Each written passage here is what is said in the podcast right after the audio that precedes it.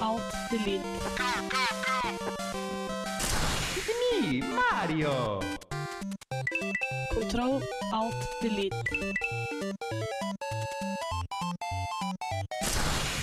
Unable to comply.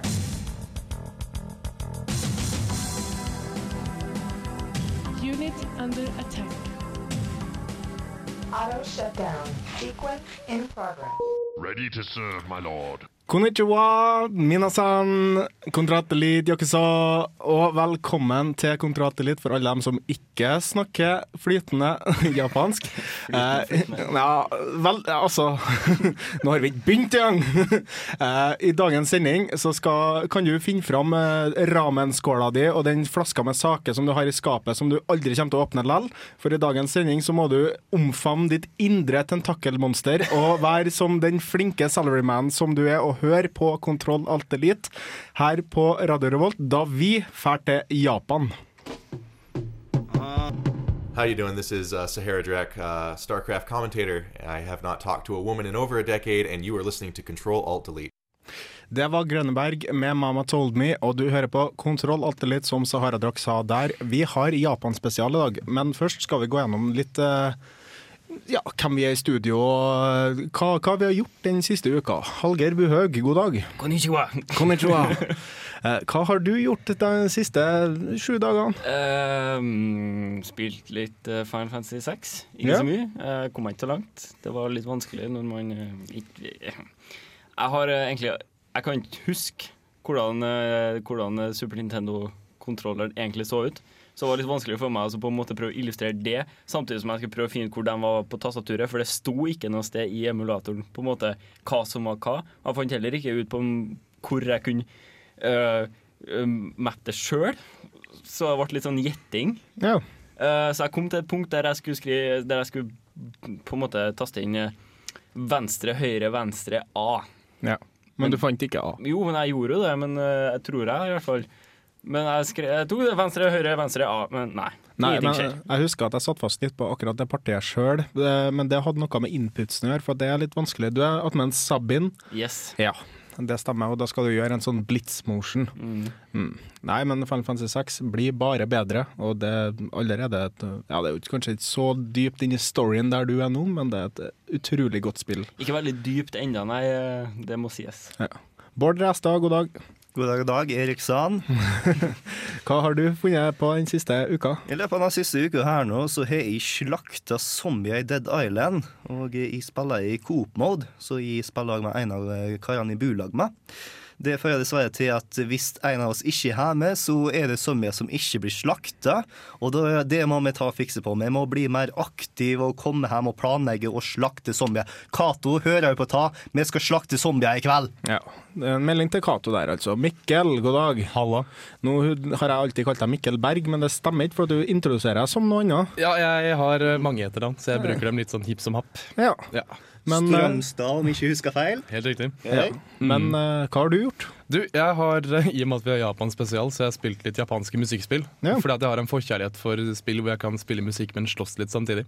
Mm. Så jeg har spilt uh, Os Tatakae Oendan! Hvor du eh, spiller noen veldig digre, barske heiagjengledere som heier på folk som har problemer i livet sitt. altså Jeg har spilt Gitaruman, da, hvor du basically har en gitar som skyter laserstråler, og så slåss du mot sære romvesener og monstre og ting og tang. Høres spennende ut. Veldig morsomt. Det er samtlige spill hvor man faktisk slåss med våpen. Nei, slåss med våpen. Ja. Slåss med eh, instrument. Danteo i Dante, uh, Devil Must Cry. Nei, Devil Devil, May May Cry. Å, Å, herregud. Uh, han òg har jo en gitar Mm. i eh, treeren, tror jeg. Og siden vi har Japan spesial, så har jo animeen Furikuri også et um, eh, instrument man slåss med. Der slåss de med en bassgitar, som de dæljer løs på folk med. Ja. Mm. Og til slutt, Tor Sekse. God God dag. dag, god dag. Hva har du holdt med den siste uka? Nei, det har vært, blitt veldig lite spilling den siste uka, så det har stort sett gått i Angry Birds når jeg sitter og kjenner meg. Og eh, så prøvde jeg meg i går på Resident Evil. Mm. Det ligger på PlayStation Network nå. Gratis hvis du er PlayStation Plus. Ja. Og PS1, da, eller? Ja, ja, ja. Ja, der har vi Oh, we'll make a Jill sandwich og masse andre veldig fine uh, mistranslations. Er det ikke den der de, der de gir deg en lockpick, og så sier sier de 'you, the master of unlocking', eller eller Ja. sånt? Oh yes, sier Jill da. Så fortsetter de bare egentlig videre i det spillet. Men vi skal fortsette også videre i sendinga. Her kommer Sonic Flower med Black Sunshine.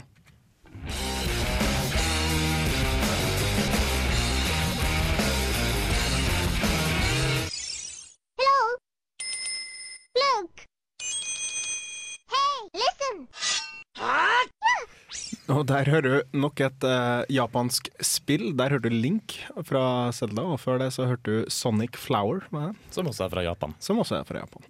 Og uh, Vi tenkte vi skulle ta noen nyheter her. Uh, TGS har hatt pre... eh, kons, kon, hva kaller vi det, konferansene sine. Og det har kommet en god del info fra det, men først så tenkte vi at vi skulle ta eh, de nyhetene som ikke er fra TGS. TGS er da Tokyo Game Show. I Diablo-universet, i Diablo 3, så kan du bygge din egen helt nå på en måte. De har releasa skill-kalkulatorer på nett på Blizzard sine hjemmesider, sånn at du kan begynne å sette opp en av dine fem karakterer, eller altså fem classer i det spillet. også. Så hvis du virkelig har lyst til å komme inn i materien i Diablo allerede nå, før til og med releasedatoen er satt, så kan du gjøre det. Og det er ikke feil. Nei, det er ikke feil. Begynn å bygge den nå. Mer tid til å spille, rett og slett. Eh, Du kan også uh, få se Skyrim-traileren som pressen fikk se på E3. Det ligger en 20 minutter lang Skyrim-trailer på YouTube nå.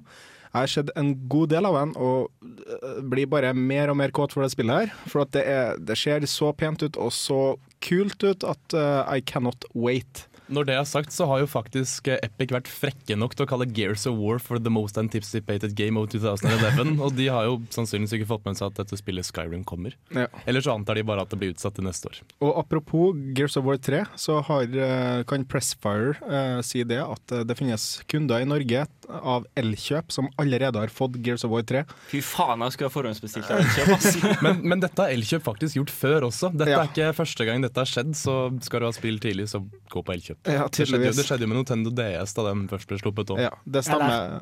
Fra og med neste, neste gang noen slipper noe spill, så får vel Elkjøp spillene tilsendt et par uker etter releasedato for at de ikke skal sende ut for tidlig. Det skal du ikke se bort ifra. Og uh, du kan også nå uh, snart laste ned Crisis 1 på konsoller som en downloadable title. Spillet kommer til å koste rundt 20 dollar, som blir røffe 120-150 kroner. Jeg tipper at det kommer til å bli 199 i Norge, eller 150. Men eh, det spillet var jo det som pusha på en måte PC-er i sin tid, og det blir spennende å se hvordan det kommer til å reagere på konsollene. Videre eh, til slutt så har jeg en liten fun fact-nyhet. Jeg tenkte egentlig å ta den når, den, eh, når den, eh, Tori sa at han hadde spilt Angry Birds. Hvor mange enheter med Angry Birds tror dere egentlig er lasta ned, uten å se på skjermen nå? Røft estimert. 250 millioner. Ja, minst. Ja, det er da 350 millioner eksemplarer med Angry Birds som er lasta ned. Og det er demografikken 18 til 25, tror jeg, som faktisk menn som eh, laster ned mest. Mm. Jeg tenker det at Det må være lov til å feire ikke bare gamerne, men de som lager spillene også. Eh, 13. desember var det Programmers Day. Som egentlig er en, det er en, hva skal jeg si, en offentlig gjenkjent helligdag i Russland. Men som også, som også gjenkjennes i Polen, USA og Storbritannia annet. 13. desember? september, mente September. jeg. Den 256. dagen i året. Og hvis vi går tilbake til TGS, så er det en god del nyheter. Der, ja, du tok den. Finally! Så er det en god del nyheter som kommer derfra òg. Eh, Monster Hunter 4 og nye Fire Emblem kommer til Nintendo 3DS. Og det er woohoo for dem som bor i Japan. For det er to spill som er veldig populære i Japan, men som egentlig ikke har fått så mye eh, trafikk her i hva skal jeg si, Vesten. Og så er det egentlig et spill som 3DS-en sårt trenger, Ja. fordi at eh, Monster Hunter 3 vel i påstå er den største grunnen for at eh, PlayStation Portable gjorde faktisk profitt. Mm. For det spillet var sjukt populært i Japan eh, når du tar og ser på trikken og så tar du spiller med andre. Det at nå eh, 3DS-en har fått det der nå, det viser at Nintendo gjør noe riktig. Ja. Og det, det, du har to spill som er virkelig heavy hitters i Japan, og det er Dragon Quest og det er Monster Hunter. Og eh, det blir spennende å se hva Nintendo gjør med det. Jeg lurer litt på, hva med um, PlayStation? Det som har mis Sony da, som har mista Monster Hunter-serien over til Nintendo 3DS? Eh, vi kommer tilbake til eh, Sony sin eh, prekonferanse litt etterpå. Men eh, det som eh, også er interessant, er at eh, third party-spillene Resident Evil Revelation, Theath Rhythmic, Final Fantasy, Metal Gear Solid, Snake Eater 3D og Kingdom Hearts 3D, Dream Drop, Drop Distance, også er releasa til 3D. Så det er så å si de eneste third partyene de har reveala så langt. Men vi skal gå eh, videre i sendinga. Um, det viser seg også at den nye slidepaden som vi snakka om i forrige uke, ikke bare vil koste rundt 19 dollar, men vil også bli drevet av AA-batteri. men mer om det etter Gang Gang Bang med Mind Killer.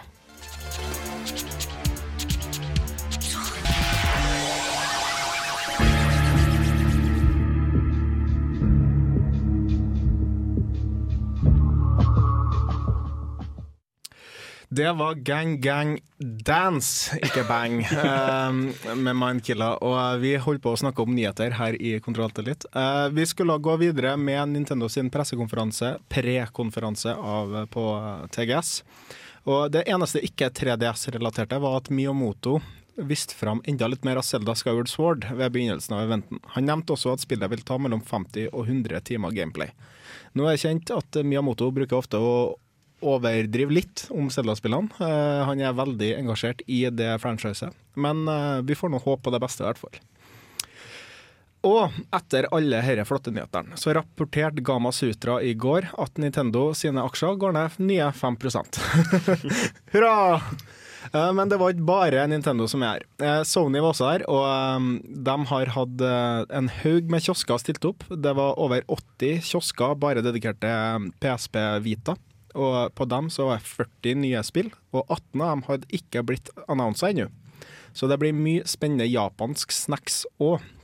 Og eh, De begynte med å si det at PS3 ligger nå på 52 millioner worldwide salg, og PSP, vanlig PSP ligger på 72 millioner worldwide. Og det visste ikke jeg engang. Nei, jeg At- trodde, jeg trodde det var motsatt. ja, jeg kunne tenkt meg at det var motsatt, men eh, dette tok jeg fra Gamma Sutra, og de bruker å ha tallene eh, i Ja, orden. Ja, jeg, fall. jeg hørte det òg. På Mm. IGN sa det òg. Uh, Releasedatoen til PSB Vita er 17.12. i Japan, og vi kan vel i hvert fall forvente et halvår forsinkelse før vi får det her. Ikke umulig. Ja, Det blir i hvert fall noe rundt der, jeg tror jeg. Men uh, de uh, kissene på sa òg at den kom til å bli regionfri. Mm. Så at det ikke an å importere den fra Japan allerede den 17. desember. Ja, og det er etter min kunnskap en av de første konsulene som gjør det. Mm. Gjør det regionfri fra the get-go, liksom. Var skjer PlayStation 3 regionfri her fra det get-go, da? Jeg er ikke sikker. Jeg mener at det er PAL-versjon av Ja, det er en PlayStation. PAL-versjon pga. at alle Blu-rayer ikke er Ja. regionfri. men jeg tror alle spillene er det. Det skal være. Den originale DS-en var jo også regionsfri, og det var jo, vakte jo stor ståhei for at endelig kunne vi importere de sære japanske DS-spillene, men så kom jo 3DS-en, og den er jo plutselig regionsbegrensa. Ja. Videre så er 3G detaljert. Eh, Du, I hvert fall i Japan. Du kommer til å få 20 eller 100 timer lange subscriptions, altså du bruker 3G så og så mye i måneden. Eh, Nå fikk ikke jeg med meg helt hva det kosta, men eh, i hvert fall så får vi sikkert en deal med Telenor eller NetCom eller noe sånt her i Norge òg, forestiller jeg meg. Eller noe annet litt sånn multiland Hva skal jeg si, tele, teleoperatør. Og um, Final Fantasy 10 HD er annonsert uh, for alle fans av det. Og her er til PlayStation eh, Vita, det òg. Eller PSP Vita. Begge. Både PS3 og til Vita. Oh, ja. Og I'm psyched. Yeah. jeg føler nå Jeg har i det siste vurdert litt sånn ah, Skal jeg kjøpe meg en PS3? Skal jeg ikke kjøpe meg en PS3? Nå blir jeg helt veldig mot det å skal kjøpe meg en PS3. Jeg, har, jeg kosa meg så gæli med, med Final Fantasy 10, Mm. uh, Final Fantasy X, da, på PlayStation 2 eh, for eh, Ja, hva det blir da? Det blir fem år siden eller noe sånt? ja, mer enn det også. Jo, når jeg spilte. Ja, ja. Eh, nei, mer enn det, ja. Sju fort jeg spilte. Ja ja, nok om det. Ja. Kosa meg med det, og har veldig lyst til å spille igjen på PS3 i HD. Mm. Og Square Enix var også innom PSP-konferansen og annonserte et spill som heter Lord of Apocalypse og Army Core of Hell. Høres eh, veldig japansk-inspirerte titler på spillene her, men eh, de skal i hvert fall komme fra Square Enix, og det er spennende å se at Square faktisk tar en risiko med å utvikle en ny IP. Titlene var jævlig over the top. Ja, de var veldig over det topp. Og du skal ikke se bort ifra at de heter noe helt annet når de kommer hit. Videre så kommer også Ultimate Marvel vs. Capcom 3, Ninja, det nye Ninja Gaiden-spillet, og en Metal Gear Solid HD Collection til PSP Vita. Og Det beviser rett og slett det at den kommer til å ha spill på lik linje med, med PS3-en. Og vi undrer rett og slett på hvor kraftig den maskinen her er. Men først kommer Indian Summer.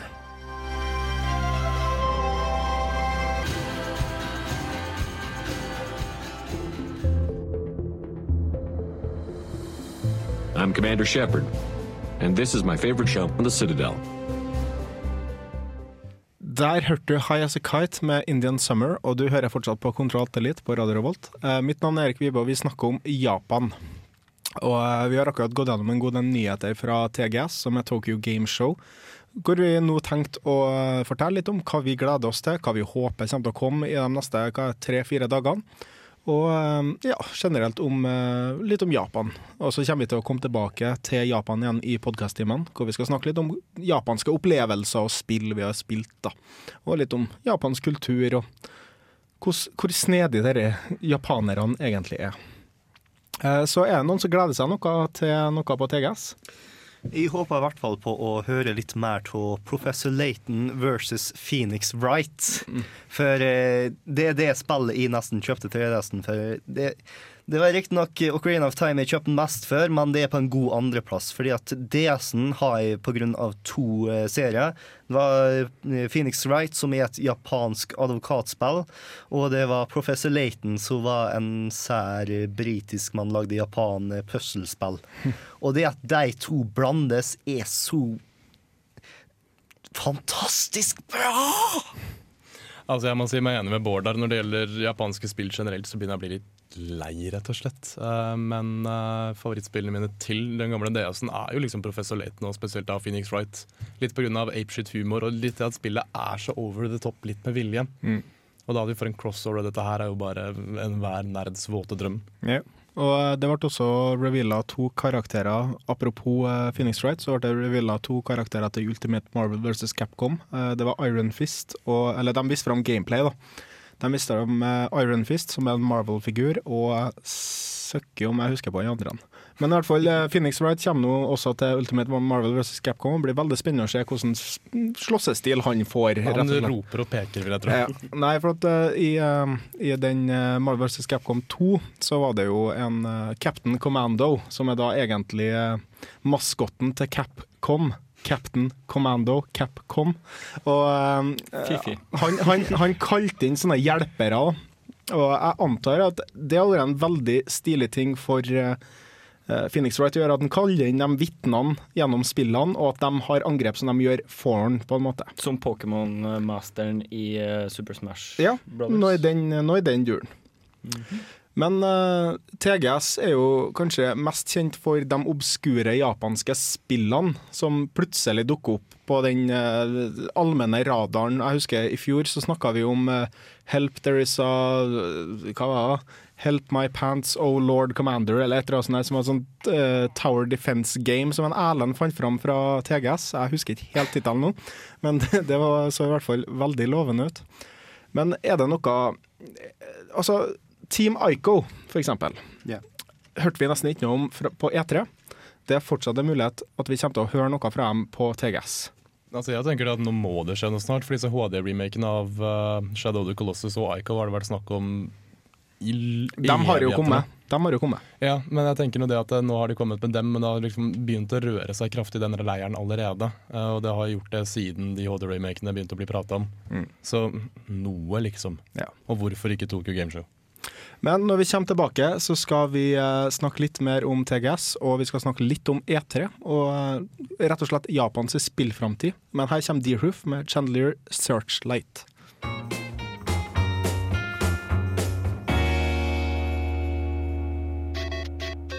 Hei Mario! It's a Mia, ukas anmeldelse. Det er riktig, det er ukas anmeldelse. Det ble ikke noe mye mer TGS-prat, det tar vi i podkasten. Men eh, velkommen, Are Fjørtoft. Jo, takk, takk. Eh, hva er det du har tatt med denne uka? Jo, eh, jeg har eh, bet meg fast i et eh, first person shooter-spill eh, kalt Resistance. Jeg er egentlig ikke det person til å spille sånne first person shooter-spill, for jeg syns det blir for eh, ja, hva kan jeg si, sånn togskinneaktig og eh, for repeterende. Men jeg må innrømme det, Resistance 3 eh, greit meg inn. Insomniac Games har andre kort i stokken enn bare Ratchet Clank-serien. De er også skaperne av den stemningssettende serien Resistance. I motsetning til nesten alle andre spillserier, så er menneskene i Resistance på den tapende delen av kampen. Og dette her har kanskje nådd et lavmålspunkt i nummer tre i rekken. Hvordan skal vi overleve dette?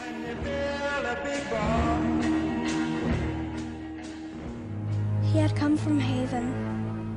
He said he was tired. Tired of hiding.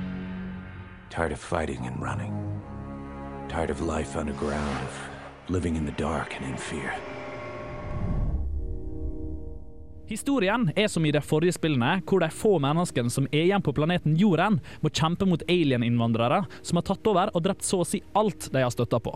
Vanligvis i et spill så vil jo menneskene vinne, eller i alle fall overleve. Men det er ikke store håp igjen i Resistance 3, da menneskeheten er redusert til en bråte minisamfunn som gjør det de kan bare for å overleve. Dette er settingen for vår hovedperson Capelli, hvis eneste mål er å overleve med sin familie, og har ingen intensjon om å være menneskehetens redder. Situasjonen, derimot, tillater ikke lenger menneskeheten å sitte stille og forsvare seg, og doktor Fydor Malikov overtaler Capelli til å bli med han til New York for å lukke et ormehull som vil fryse ned og rydde jorden for menneskeheten en gang for alle, om den står uberørt. He left his family to try to get to New York. He showed me a picture. No one has pictures anymore. But he had one of his son. I had no choice. They had found us.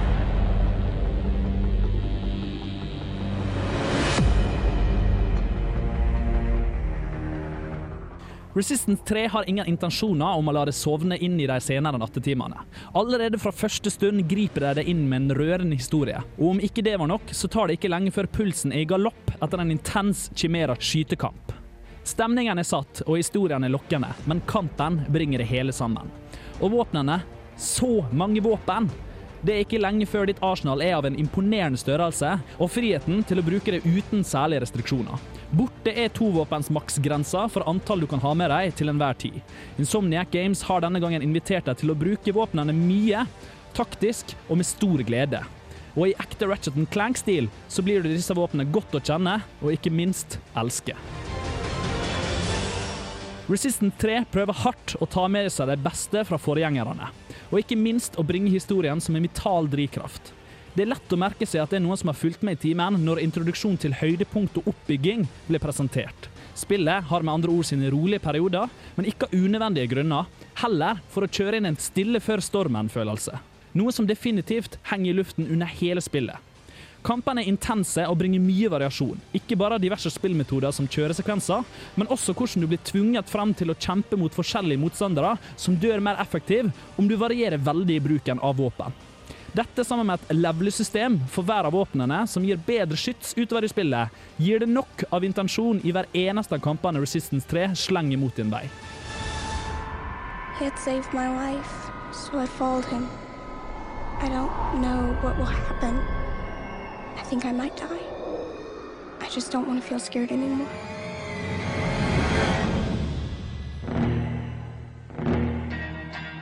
Insomnia Games har laget et produkt som jeg liker å spille, og denne følelsen skinner veldig gjennom fra spillskaperne. Spillet har sine få svakhetspunkt, men det er ingen jeg virkelig vil bringe på bordet, da dette vil offisielt stemple med, eller det, som en skikkelig flisespikker.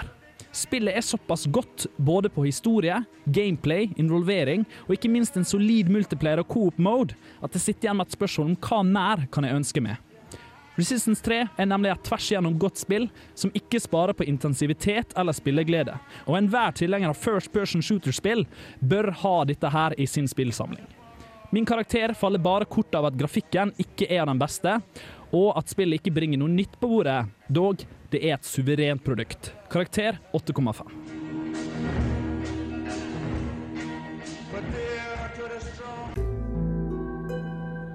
Welcome. Got a selection of good things on sale, stranger. What are you buying? Ah, an awesome choice, mate.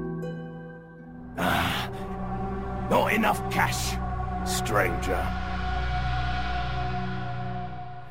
Og eh, han prøvde å introdusere oss til um, stipendtipset, som Yes. da er vårt månedlige um, hva skal jeg si, greie som vi gjør eh, rett etter, eller rett før stipendet, for å finne ut hva du rett og slett skal bruke pengene dine på. Yes. Eh, i, Skal. Ja. Ta her nå skal du investere lånekassepengene dine i. Eh, jeg har tatt med noen turen rundt om i Trondheim by og besøkt altså hyggelige eh, folka i butikkene våre. Det var kanskje kaldt ute, men inne i spillbutikkene var det alltid varmt. Yes. Eh, på platekompaniet, for eksempel, så har jeg en god del salg på spill. Uh, Uncharted Dual Pack, det vil si Uncharted 1 og 2 på PlayStation 3, får du for kun 399 kroner, som er et røverkjøp, for det er noen av de beste spillene jeg kan få. Jeg har lyst til å spille Gears of War 3, men har ikke spilt Gears of War 2 ennå, så kan du plukke opp Gears of War 2 for 100 kroner nå. Og til slutt, har hun ikke kjøpt The Portal, så får hun for 349 kroner nå. Portal 2, da. Portal 2, ja, selvfølgelig. Mm. Portal 1 for 349 er litt vel overdrevet. Eh, På Spaceworld eh, så prøver de å bli kvitt eh, special editionene sine. For eksempel Crisis 2 med sekk og figur får du for 650 kroner i dag. Og special edition av Killzone 3 med eh, byste og figur får du for 599. Når jeg snakka med karen i kassa, så kom han med et glis og sa at det kommer til å dette ned i pris i morgen. Så er du smart, så stand opp tidlig først på Spaceworld i morgen og ser om du ikke kan ta og kjøpe en sekk du kan putte PC-en din i, dersom du ikke har noe bedre å ha den i. Ah, a choice of an Eh, På. Game så har de lyst at du skal ta og selge spillene dine tilbake til deg. Eh, For eksempel eh, Space Marines. Kjøper jeg jo det, så ender opp med å bare betale 149 kroner dersom hun leverer tilbake innen eh, starten av eh, Skal se neste fredag. Sammen Samme NHL og Resistance 3. Og eh, med Skal vi se. Dead Island så får du 100 kroner tilbake. Og eh, man passer på. Med game så har de nødt at du kjøpte spillet der nå, så ta vare på kvitteringa. Kommer du med et spill du kjøpte på GameStop, så eh, må du nok ta og betale for alt sjøl. Og når vi tar og snakker om GameStop, så eh, tar de å fokusere på pre-orders akkurat nå, fordi at det er høst, og det kommer vanligvis spill innen tida her nå. Så eh, dersom du tar og eh, forhåndsbestiller ting, så får du 100 kroner i gavekort når du kjøper det, og tar du med bruksspillene dine, så får du 25 ekstra for deg. Eh, par ekstra ting du får når du kjøper spillet, er f.eks. kjøper du Formel 1 2011. Dersom du liker sånt, så får du en beanie. Kjøper du Rage, så får du Anarchy Edition for like masse. Og med Battlefield 3 så får du Fiscal Warfare Pack, som skal være eksklusivt for GameStop. Wise choice, Og eh, da eh, Hvis du ikke har lyst til å bevege deg ut av døra, da, eh, selv om det er veldig varmt inne i hvert eh, spillsalg, så eh, kan du alltids bare stikke på internett, fordi nå har play.com et eh, femdollarsmarked. Eh, siste sjakka, som da var i dag tidlig, eh, så blir fem dollar 28 spenn, altså kroner. Så eh, det er absolutt veldig mye å hente derfra. Det har også en rundt eh, lurer på om det var en rundt eh, 30 spill i teltet som var til den prisen. Eh, Kanskje litt mer eh, varierte titler, men absolutt noen gode. Hvis du eh, føler at du har noen hull i spill eh, eh, repertoaret ditt, så er det absolutt lurt å kikke innom der. Fem dollar er 28 kroner, som sagt. eh, Og hvis du samler opp eh, til en fem-seks spill, og fremdeles beholder det under 200 kroner, så slipper du ut skatt, skatt, rett og slett. Eller moms, er det vel. Skatt. Jeg hadde lyst til å si tax, men eh, det ble jo litt feil. Så absolutt eh, anbefaler å stikke om play.com. Det har jo også mye annet, bortsett fra spill. Og til slutt så har vi um, på Steam så var det salg på Duels of the Planeswalker. Et veldig godt spill som er basert på Magic the Gathering, eller som mer eller mindre er Magic the Gathering. Det heter vel faktisk Magic The Gathering, of, ja. ja. Magic the Gathering, Duel of the Planeswalker. Yes. Nå skal det sies at Dette er den beryktede oppfølgeren, for Duel of the Planeswalkers kom for uh, tror litt mer enn et år siden. Dette er da 2012, som er den oppdaterte fine versjonen med masse nye decks og nye kort. Og billigere enn å begynne å spille Magic. Okay. Men uh, vi går videre i sendinga. Uh, her kommer Tom Waits med Badass Nei, her kommer først Tom Waits med Badass Me. Is that all, stranger? Come back any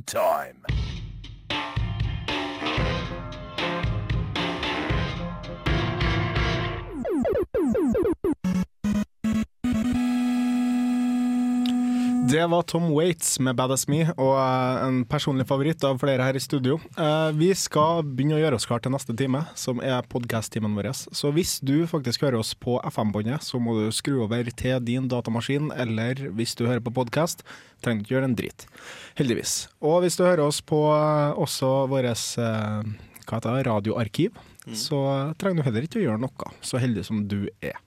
Vi har hatt mye eh, å snakke om så langt i sendinga. Vi har hatt anmeldelse av Resistance 3, vi har snakka om TGS og hvordan Nintendo går litt ned, mens Sony egentlig bare står på standstill. Så langt ikke noe mye nytt egentlig ut fra TGS, bortsett fra et par nye titler, litt teasing og AA-batteri til den forbanna Nintendo DS-kontrolleren som vi snakka om forrige uke. Den går på AA-batteri, Are. Awesome. AA. Jeg, jeg trodde vi hadde kommet bort fra det. Neste gang så blir det bilbatteri. Men eh, du kan nå oss, hvis du bare hører oss på radio, så kan du nå oss på eh, Steam-gruppa vår, eh, som heter Radio Revolt presenterer Kontrollatellitt. Facebook radio, eh, av samme navn. Twitter rr-spill og eh, mail nerd at radiorevolt.no. Send oss gjerne mail, for vi har veldig lyst til å ta og lese det opp på lufta. Jeg liker at folk hører på oss og snakker med oss. Ja, og alle i redaksjonen leser mailen deres. Det er ikke Ja. sånn bare Erik, og så velger Erik ut de beste, sender de til Bård, Bård velger ut de få, sender de til resten. Det, alle leser de og ler. Ja. Og uh, ikke av Ler dere, men Nei, nei, med men det ikke nødvendigvis ler. Ja, imponerende har vi også vært. Jeg har Ja. sittet sånn Hm, ja, interessant. Mange, mange sanne reaksjoner. Og eh, apropos å sende inn mail, så kommer vi til i neste time å ha en konkurranse hvor du kan vinne deg Warhammer 40K Space Marine til Xbox 360. Eh, Det blir også anmeldelse neste uke. Så eh, du burde virkelig ta oss og høre på oss eh, neste time. Men hva skal vi snakke om neste time? Japan! Japan! Japan! Vi skal rett og slett gå gjennom våre eh, erfaringer og opplevelser med spillkultur og generelt kultur om Japan, i hvert fall alle utenom Mikkel. For at Mikkel hater visst Japan. Nei, nei, nei, jeg hater ikke Japan. Jeg har et artig forhold til Japan. Ja. Han har til og med gått i japansk, så han kan til og med flere med litt eh, japansk eh, språk her. Hei. Så, Oh, damn. Starstruck. så vi har masse å snakke om neste time. Og vi kommer også til Jeg kommer garantert til å gå på en Final Fantasy rant, og jeg klarer å forestille meg at alle andre har egentlig noe å si om Japan. For at her har vi et land som har produsert så mange spill. Og IGN har det jo i sin preview til TGS at uh, 'remember your roots'. Fordi at eh, det er virkelig Man må huske på hvor røttene av spill kommer fra.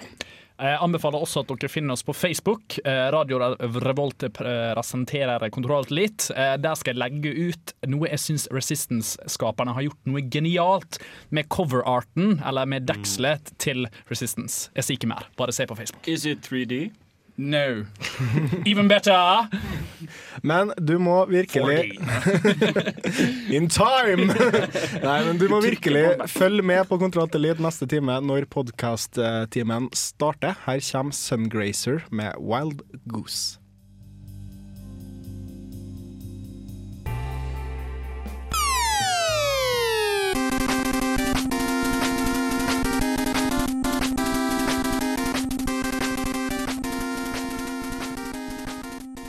Og den sangen varmer et gammelt nerdehjerte, og det er nesten så jeg tror at vi skal ta den som introduksjon til hver eneste podkast-time. Jeg, jeg har en lyric. Jeg har en lyric. Dette er time to! Du hører på time to nå! Jeg tror det holder i massevis. For du, I cry for podcast. Timen, time to. vi har We'll work on it. Promise! Nei, men vi har nå kommet til eh, time to, som da er podkast-timen vår. Skal vi ta det litt mer rolig og ha litt lengre snakk, eh, hva skal jeg si, snakkeblokka, eh, for å si, kalle det noe. Og eh, vi har da Japan som tema i dag, og Japan har jo gitt oss utrolig mye, bortsett fra eh, nudler som er ferdig på to minutter. Er det noen som har noe å dele om sin opplevelse av noe fra Japan, sånn generelt? Ingen? OK, da starter jeg. Så å si hele eh, min uh, engelskopplærelse kom fra Japan, snedig nok. Uh, når jeg var så gammel at jeg gikk på barneskolen, så begynte jeg å spille Final Fantasy 7. Og uh, jeg har funnet ut kjapt at jeg kom meg ikke videre i det spillet om jeg ikke kunne engelsk. Så eh, jeg begynte å lese og lese og lese, og lese, og begynte å oversette og hadde til og med ei ordbok, norsk-engelsk ordbok, for å komme meg gjennom det spillet. Hører dere det, engelsklærere? Ja. Sånn lærer man engelsk Ja. sjøl. Jeg oppfordrer til å spille TV-spill bare for å lære engelsk, for det var den måten jeg gjorde det best på. Jeg prøvde faktisk å dra den samme med japansk, for som Erik nevnte, så har jeg faktisk tatt det på videregående. Litt fordi at jeg var 15 år og jeg syntes at Japan var jævlig kult, og litt fordi at eh, Hvorfor ikke? så jeg tenkte jeg, tenkte at hei, jeg lærte jo å snakke engelsk fra The Legend of Zelda. Eh, først så satt jeg og gjetta på hva alle ordene betød, så det ble veldig mye sånn det ordet høres ut som noe helt annet, og så lærte jeg noe helt feil, men så lærte jeg meg engelsk etter hvert. Og da tenkte jeg det at uh, japansk kan jeg lære på den måten, så jeg tok fram uh, Pokémon Diamond. Fordi at der har de ingen, altså Japan har tre skriftspråk, basically. Det er hiragana katakana, som er et ordentlig alfabet, og så har du kanji, som er digre, florerende tegn, som jeg for det meste ikke kan. Jeg kan et par av dem. Og de er det ikke i Pokémon-spillene, for Pokémon-spillene er jo mynta på barn, og Ja. barn lærer jo ikke de tegnene så jævla tidlig. Nei, det er litt som nynorsk og kursiv til norsk. Ja, rett og slett. Så jeg, jeg, jeg, jeg, satte, jeg, jeg, jeg satte meg ned med Pokémon Diamond på japansk. Jeg tok frem ordboka mi. Jeg kom meg veldig godt gjennom introen.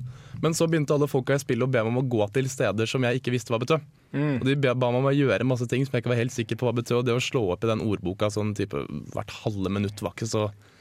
Jeg tenkte jo ikke på Google Translate, det hadde vært så mye enklere, liksom. Men jeg tror jeg kom meg to-tre timer inn i spillet. altså Plukka opp en god del gloser. Du veit hva super effective betyr, da, mener du?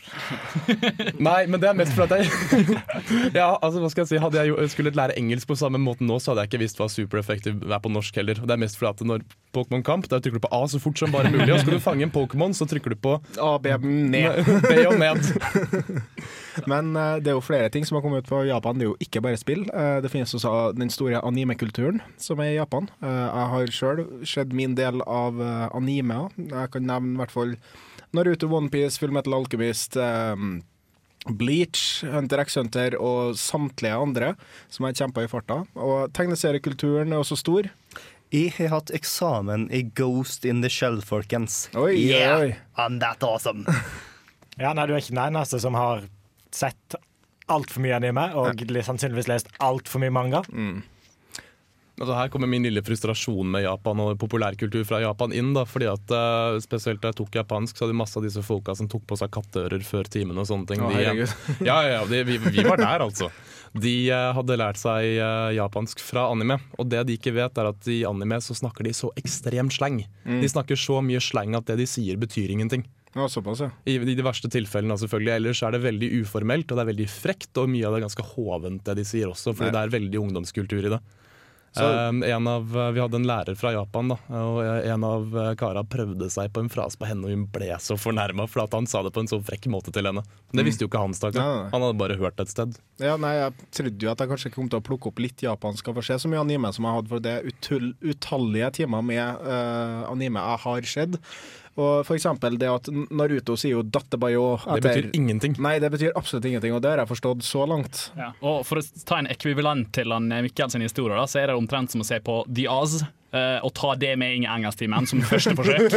Det er liksom Fuck you, fuck, fuck, fucking, fucking kick shit, motherfucker. Og så bare sånn uh, Good day.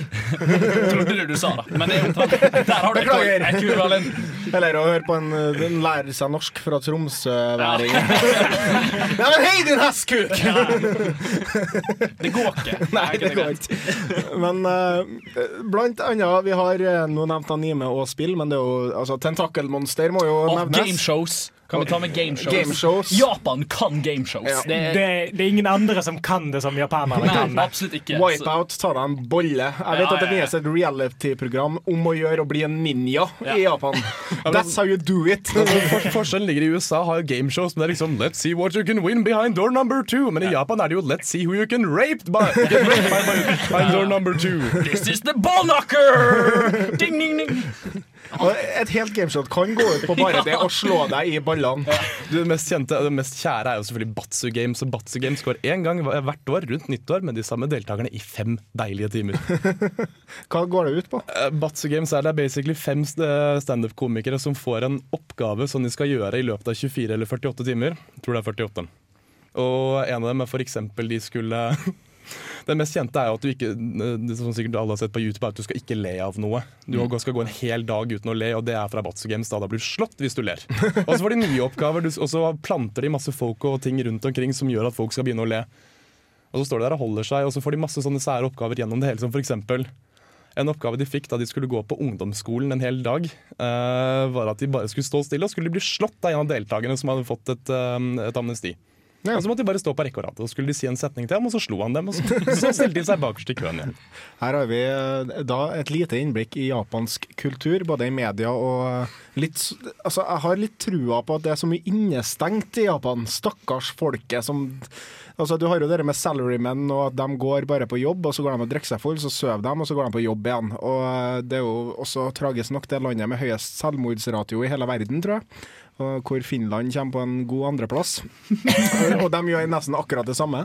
Eh, men eh, gud, hvor mye annet godt vi har fra Japan. Vi har gadgets, vi har spill, vi har anime, vi har manga, vi har god mat. Vi har masse. Og Japan er nå kanskje på den kulturelle høytoppen som anime og alt sånn bygde opp til i løpet av de siste 10-15 årene. Og nesten alle sammen vet om noe fra Japan. Men fra Japan til en japansk eh, spillmusikkprodusent, for å kalle det. Her er Shiro Hamaguchi fra Final Fantasy 7, Cosmo Canyon.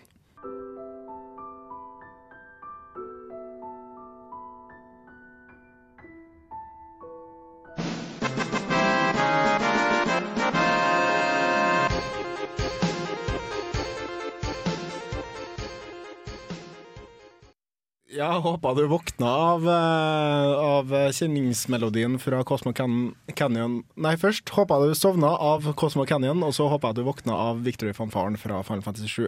Begge da fra Final Fantasy 7.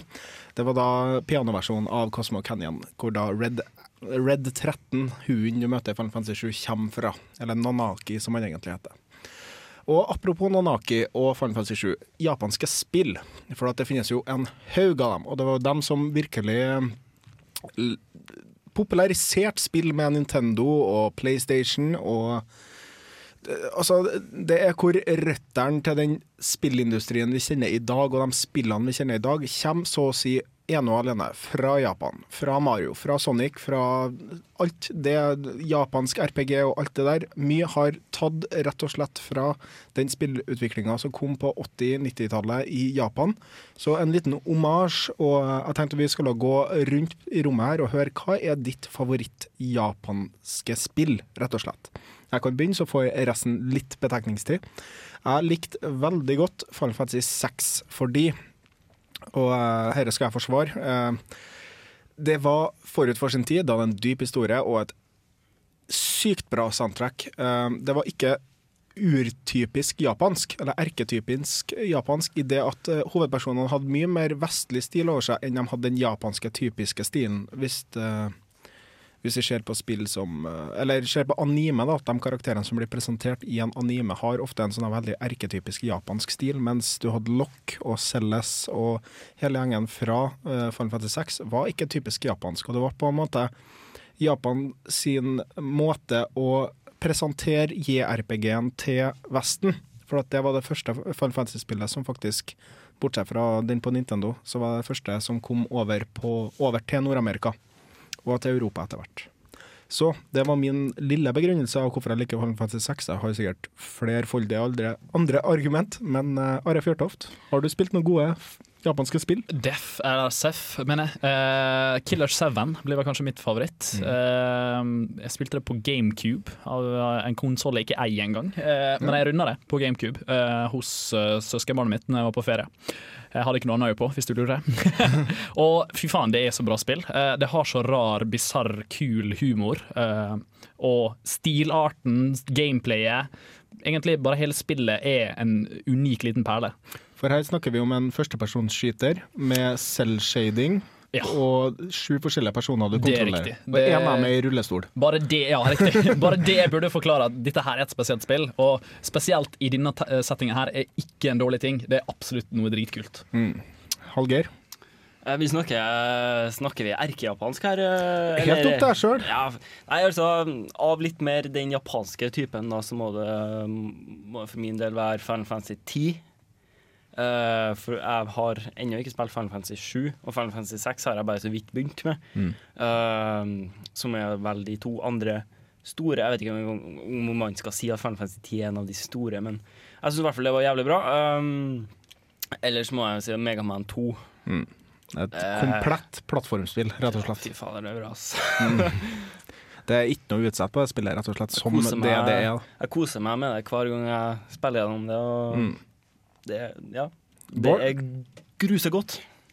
Jeg kunne tatt og lista hel her med forskjellige Nintendo-spill her nå. Men Nintendo er en klasse for seg sjøl. Det er ikke Mm. japansk sær, de er Nintendo-sær. Så jeg vil heller ta et uh, spill så du føler er japansk, så når du spiller jeg tenker Ta kunne ikke blitt skapt utafor Japan. Og da tar jeg det spillet jeg nevnte tidligere i dag, som er Phoenix Wright. Mm. For det er så sær humor med så overdrevne karakterer og alt mulig rart. Jeg fant ut for litt siden jeg leste en artikkel, at eh, Phoenix Wright handler faktisk om det japanske rettssystemet. Eh, Greia er at du er en forsvarsadvokat som hele tida blir hessa ned av absolutt alle sammen. Dommeren, eh, aktor, vitner.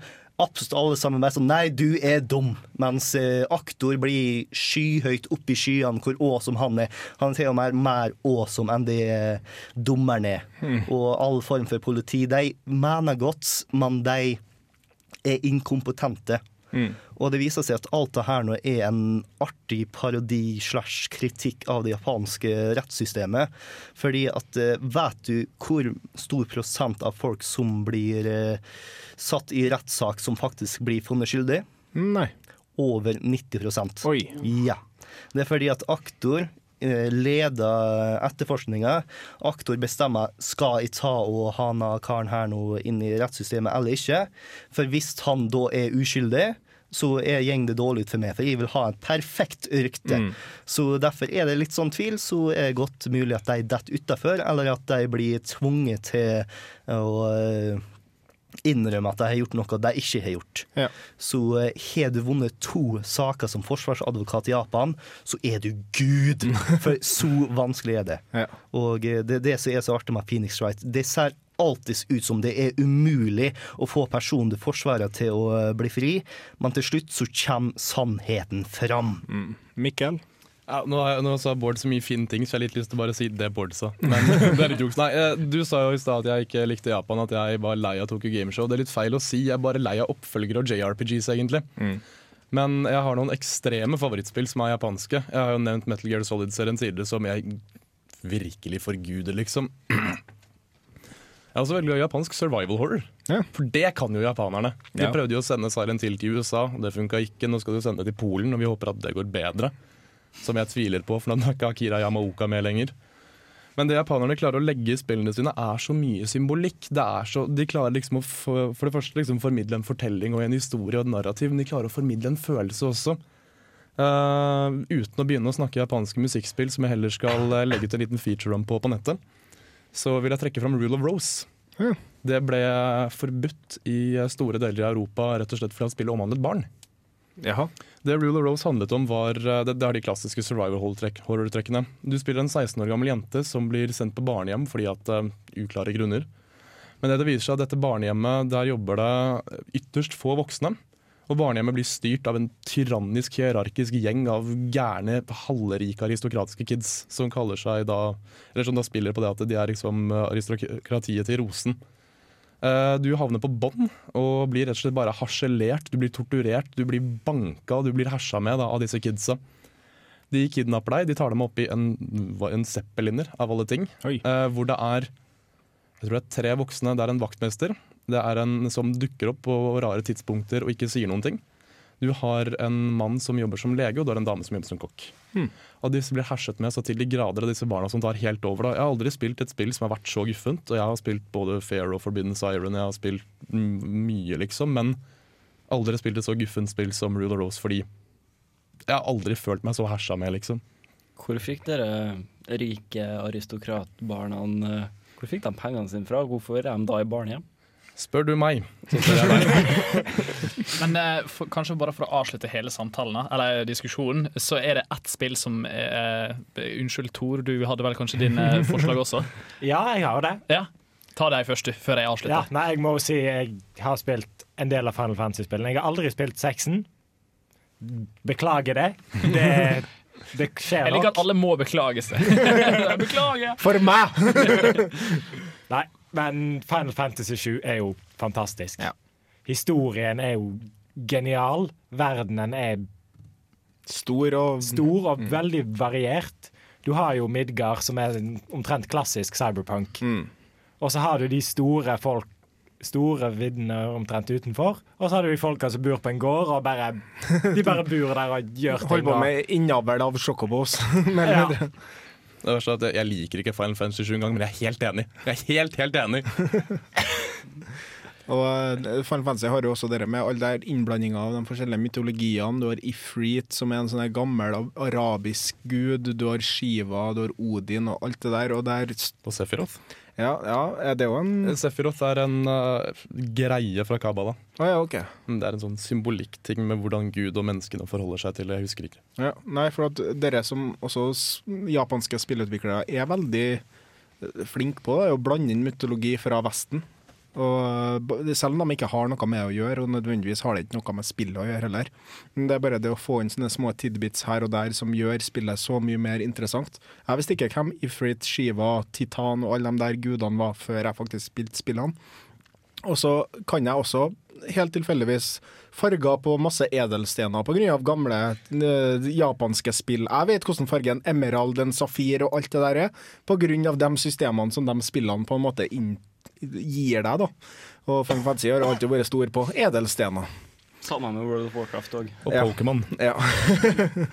Men da skal jeg avslutte hele diskusjonen med å bare bare vise et poeng med hvor gjenkjennbar visse japanske ting kan være. For jeg vil at alle skal gjøre seg klar til å synge noe inn i mikken, og det er når jeg sier ba, ba, ra, ba, ba, ba, ba, ba, ba. Katamari damasi. Alle tok han til slutt. Det er bare du som er så dårlig til å synge. Men fra en sang til en annen. Eh, Her kommer en gammel klassiker fra Konami. Prøv å gjette den uh, før vi sier det på slutten av sangen.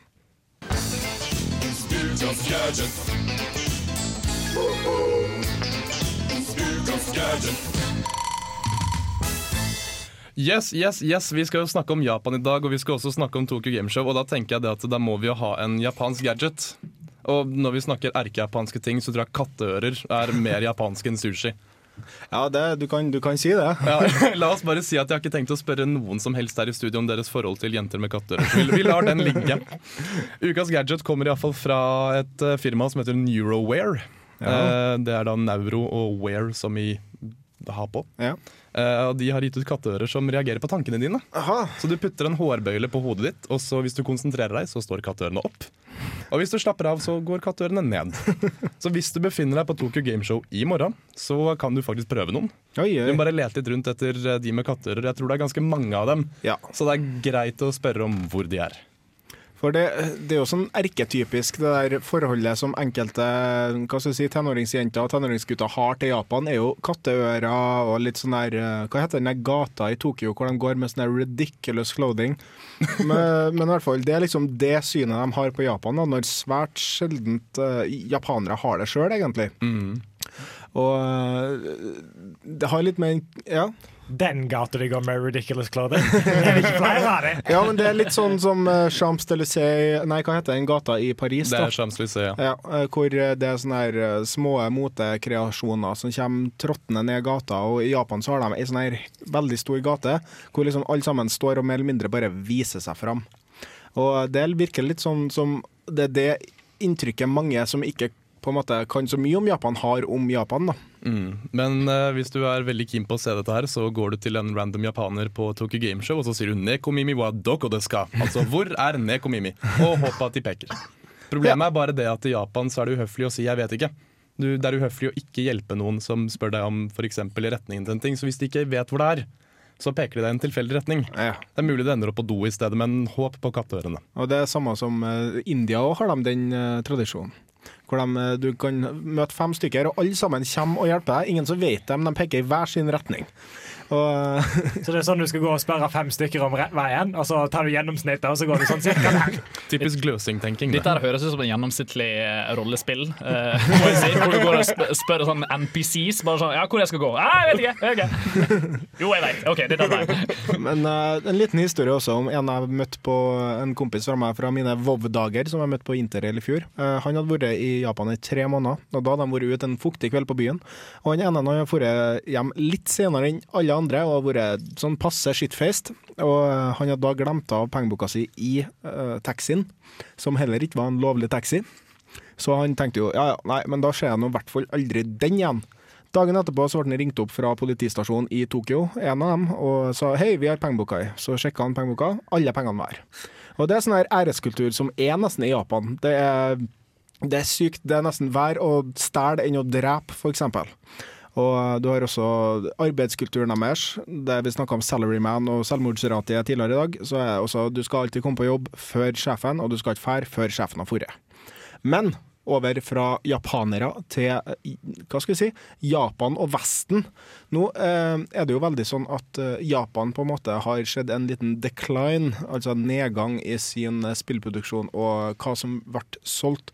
De, den største tittelen som kanskje har kommet ut fra Japan eh, i den siste, har jo vært den nyeste Final Fantasy, og den ble ikke så veldig godt mottatt. Jeg har spilt den sjøl, og jeg vet ikke helt hva jeg syns. Da, det er en 20 timer lang tutorial, og så får du møte spillet i fem timer, og så er du ferdig. Mer eller mindre. Og det er ikke det Final Fantasy egentlig skal være om, spør du meg. Nei, den var jo Det var altfor mye lineært, og så ble det veldig bra mot slutten, men det var litt lite og litt sent. Ja. Men det kom jo en 13-2 Ja. nå i Ja, for- første kvartal neste år, for Ja. oss som ikke snakker japansk. Vanlig dødelige. Og øh, tingen er jo at øh, det er en av håpene til hva man kan se på Tokyo Gameshow nå. Det er Final Fantasy, og det kommer garantert, for at Square er veldig stor på uh, Tokyo Gameshow. Det er også andre spill som Dragon Quest 10, tror jeg, om jeg ikke tar helt feil, som blir et MMO-spill. Som nå er lansert til Wii U samt Wii.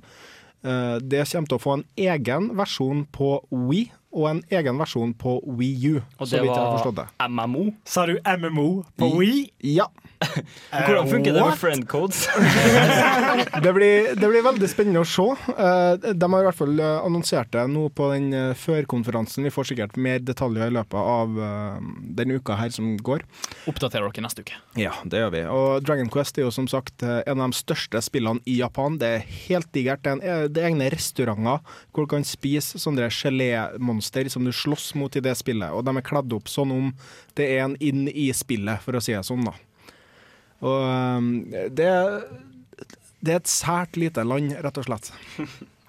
Men eh, hva har vi egentlig av spill nå, av den vestlige sjanger, som har tatt fra Japan? For at Hvis man tenker på f.eks. Fallout, så er jo det et standard nå vestlig RPG, som vi kaller det. For nå er vi JRPG og vestlig RPG. Og du kan også si The Witcher, som er en eh, polsk utvikla. Men alle de der, og Talent Trees og sånn, er jo Du kan argumentere med at det er fra um, Pen and Paper, Dungeon and Dragons og sånne spill. Men eh, det er fortsatt mange ting som Japan har gjort, som har blitt implementert i spill. Er det noen som kommer med noen forslag? Sånn jobbsystemet for eksempel, til Final Fantasy 6. For eksempel. Og Final Fantasy 5, mener du også? Ja, det var kanskje der det startet, mm. der det startet opp. Der hadde du en haug med jobs som du, du tok på mer eller mindre bare en ny hatt, og så ble du f.eks. en red mage, black mage, white mage. Så har du alle de der typene, og black mage og white mage er liksom det er standard healer, eh, og det, hvor du har den andre som er liksom angriper med magi, og så har du en som er healer med magi. Og du har raid mage som er en sånn salig mellomting, som kanskje kan eh, sammenlignes med battle mage i andre spill. Og eh, alle de der jobsen og hva skal vi si Hva heter det da? Åh, nå kommer ikke jeg på ordet, men noe som går igjen. En sånn her Repetiv? Nei. Han, Faen, tenker, nei, han tenker ikke på race, men han tenker på som vi får Walter Olsen. Trope, en trope. Trope, ja. Det er en trope som går gjennom i uh, spill. Uh, big, uh, big swords, small guys, spiky hair, big eyes. Altså, du, du har alle de tingene som har på en måte blitt tatt fra japansk spillkultur, som nå har kommet i nyere spill. Eh, mye av det amerikanske tegneseriemåten de lager spill på, animasjonsspill og sånn, har så utrolig mye grounda i Japan og japansk animasjon. Jeg vil si at Det eneste jeg kan komme på som ikke er eh, japansk inspirert, må jo være FPS-ene.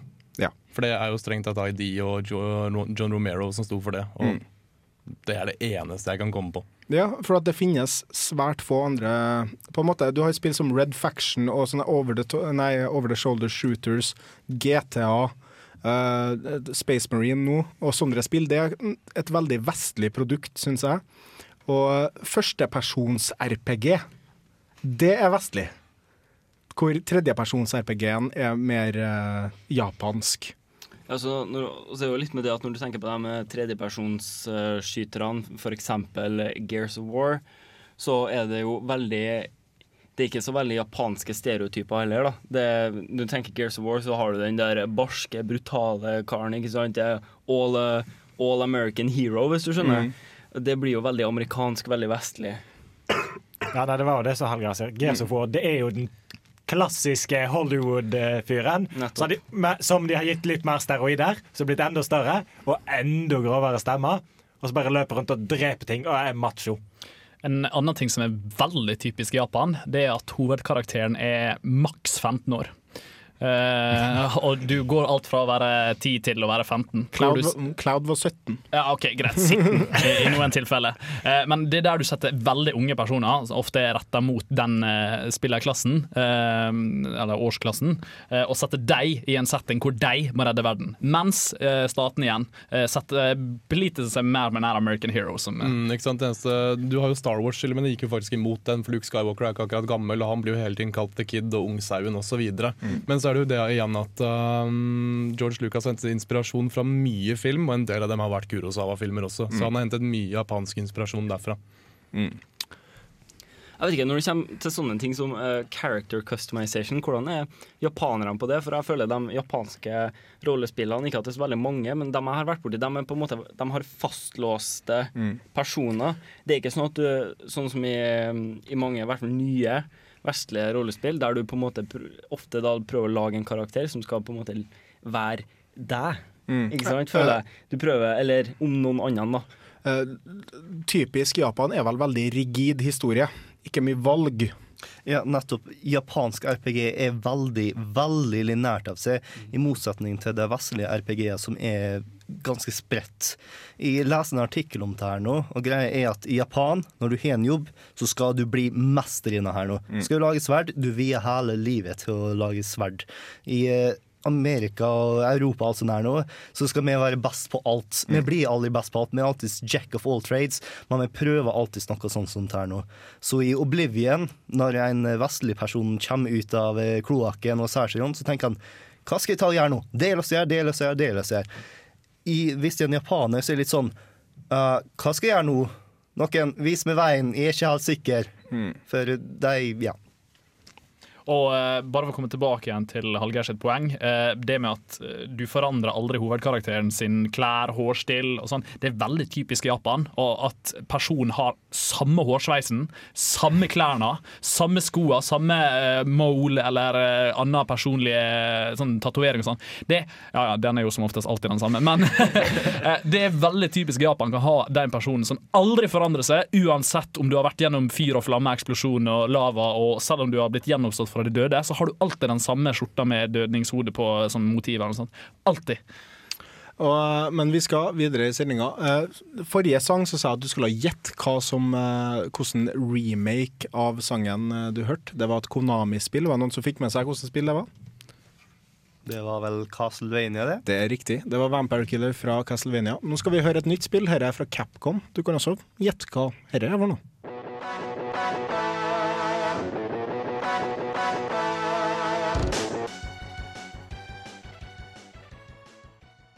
Det var da uh, Megaman X, Storm Eagle Stage. Uh, klassiker av uh, et spill og et soundtrack. Megaman, også japansk, som vi nevnte tidligere.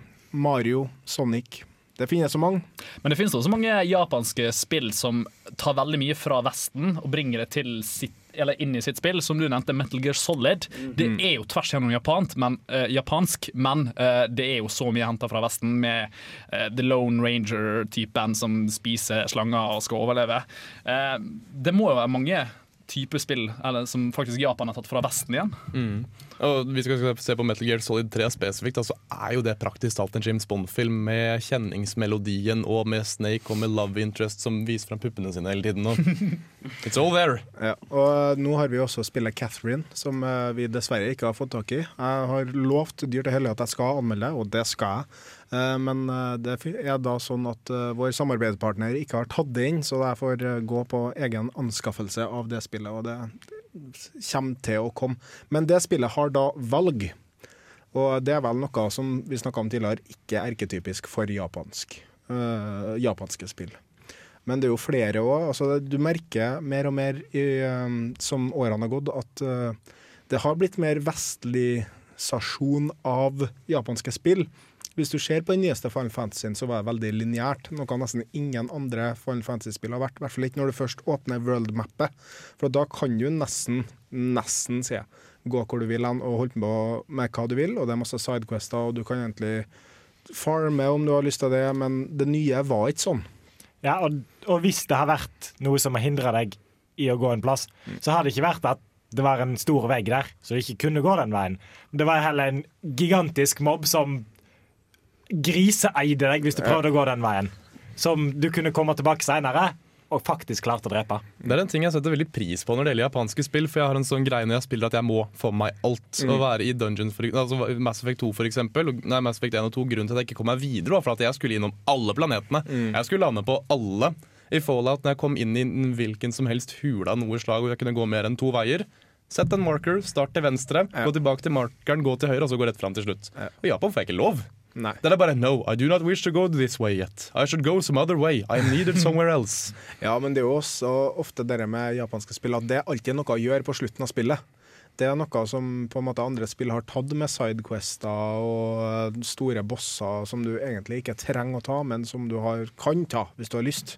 Det var litt sånn som eh, for eksempel når jeg hadde runda Final Fantasy eh, 10. Mm. Så var det sånn Ja, ja, jeg kan velge Altså, du loada saven din, og liksom du var ferdig med spillet, men du loada saven, kom tilbake til rett før du banka den, og så kunne du si Jeg kan velge å drepe siste bossen nå. Eller jeg kan velge og så sørge for at jeg får alle karakterene mine til maks level, og alle våpnene mine blir overkill, eller hva det heter. Ja. Og gjør alle questene som jeg ikke har gjort ennå. Det, det er det, det, er liksom, det er noe som kanskje ikke blir så vanlig enn eh, I vestlige spill. i vestlige spill. For der er det sånn Å, du er ferdig, ja? OK. Roll credits. Achievement unlocked. Og dette her så vi faktisk allerede i Ocarina of Time, hvor du faktisk har en prosentteller. Eller iallfall hvor mange disse her uh, skeletons, uh, spider-tinga Goldskutulle. Ja, Mm. takk. Eh, du har fanga. Og det var liksom det at du kunne bare hopp tilbake igjen. Du er ikke helt ferdig. Altså, du kan faktisk undersøke mer og, og eh, gjøre ting du skulle ønske du kunne ha gjort, og finne alle ting og, og reise alle stedene. Og noe Zelda-spillene etter hvert også fulgte opp, var at du kunne ta bossene på nytt igjen. Ja. Fra med Majora's Mask liksom, kunne du ta alle bossene på nytt hvis du måtte føle for dem. Mm. Det likte jeg også, men det jeg syntes var synd med spesielt Zelda-spillene, for jeg var jo såpass ung da jeg spilte dem, var at de anerkjente at jeg, ikke at jeg hadde tatt siste bossen. Jeg tok siste bossen, og så ending credits måtte jeg skru av konsollen og skru den på igjen. Det var ingen New Game Plus. som Ingen var- krok. Uh, achievement unlocked. Ingen insane mode heller. Insane mode på Selda hadde vært badass. Ah. Kokiri-svort hele veien. Men også en ting jeg husker nå, som jeg kjemper som er også veldig erketypisk japansk spill, er minigames. Ja. For uh, hvis du ser på nesten alle Final Fantasyene har sitt eget minigame. Uh, Final Fantasy 7 er kanskje unntaket, bortsett fra Chocobo Racing. Jo, Chocobo Racing og Golden Saucer er jo et minigame. Og du har Final Fantasy 8 hvor du har kortene. Nieren har også kortene, og åtteren sine kort var faen meg vanedannende. Da jeg spilte det kortspillet i åtteren så jævla mye. Jeg tenker det at Hvis du er ferdig med minigames, så har jeg én ting som er så japansk at det trumfer alt. Vi snakker mer japansk enn spiky hår, mer japansk enn digre sverd. Klarer dere gjette hva jeg tenker på? Ja, Vent litt, da. Men også, jeg må bare nevne dette. Final Fantasy 10. undervannsrugby. Altså, herregud. Fy faen, så bra det det var et lite managerspill inni spillet. Altså, det var jo faen meg bedre enn sånn, de Fifaen som var rett før der. Jeg synes det var dritkult. Det var stat-building, det du kunne fære rundt i verdenen og eh, Kjøp nye spillere, for faen. Jeg husker da jeg spilte Sonic Adventure 2 Battle, som var GameCube-porten av Sonic Adventure 2 fra Dreamcast. Så hadde jo det også et ekstremt minispill som tok over hele spillet. Og det var en sånn breeding av sånne små rare dyr som du kunne få til å løpe og slåss for deg, nærmest som en Pokémon som du ga liksom sånne statting som boosta dem. Mm. Tok helt til jeg spilte det mer enn det, det ordentlige spillet. Men Mikkel, fortell Ja, oss, hva er det som er så japansk at det trumfer alt annet? Det er selvfølgelig random encounters. Ja. Nevn ett eneste vestlig spill hvor du har en random encounter hvor du løper rundt, du stopper opp, skjermen begynner å blinke, og du møter på et eller annet Nei, faen! Ja, ikke sånn helt, men Men i Dragon Age 1 når du beveger deg fra et punkt til et annet, Mm. så plutselig bare "Ah, You are under attack by assassins. Ikke sant? Og det er skripta. Det-.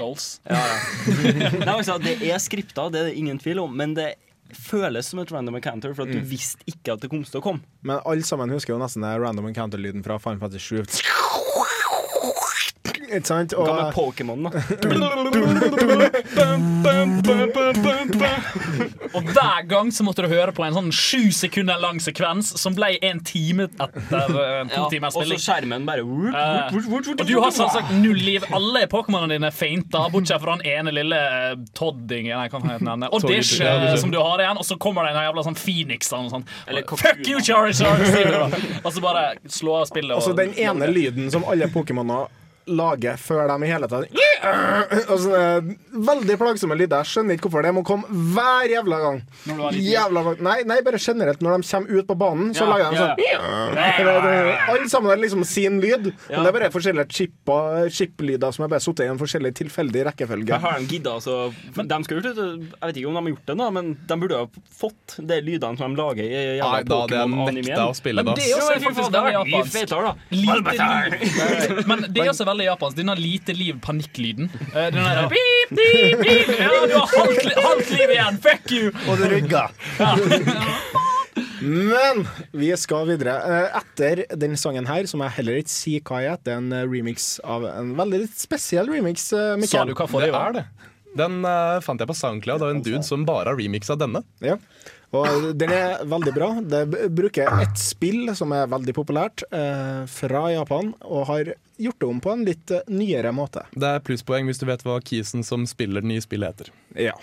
Eh, så nå kommer den sangen, så tar vi konkurranse etter sangen.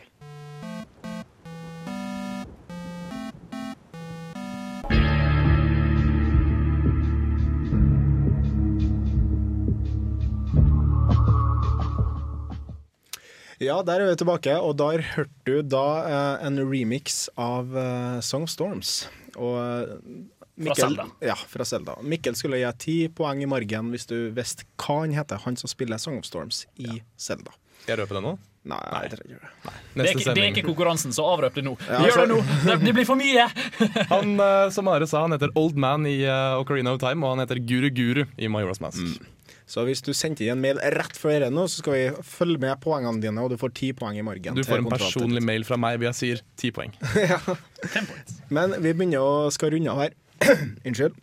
Eh, Stemmen vi, vi, ja, stemmen min skal bli runde den òg. Vi har en eh, konkurranse gående til neste mm, sending, hvor jeg skal anmelde eh, Warhammer 40K Space Marine. Den er litt sent ut, den anmeldelsen, da spillet har vært ute en liten stund. Men vi hefter egentlig ikke så veldig med det. Vi satser på at eh, du er fortsatt litt på gjerdet om du skal kjøpe det eller ikke.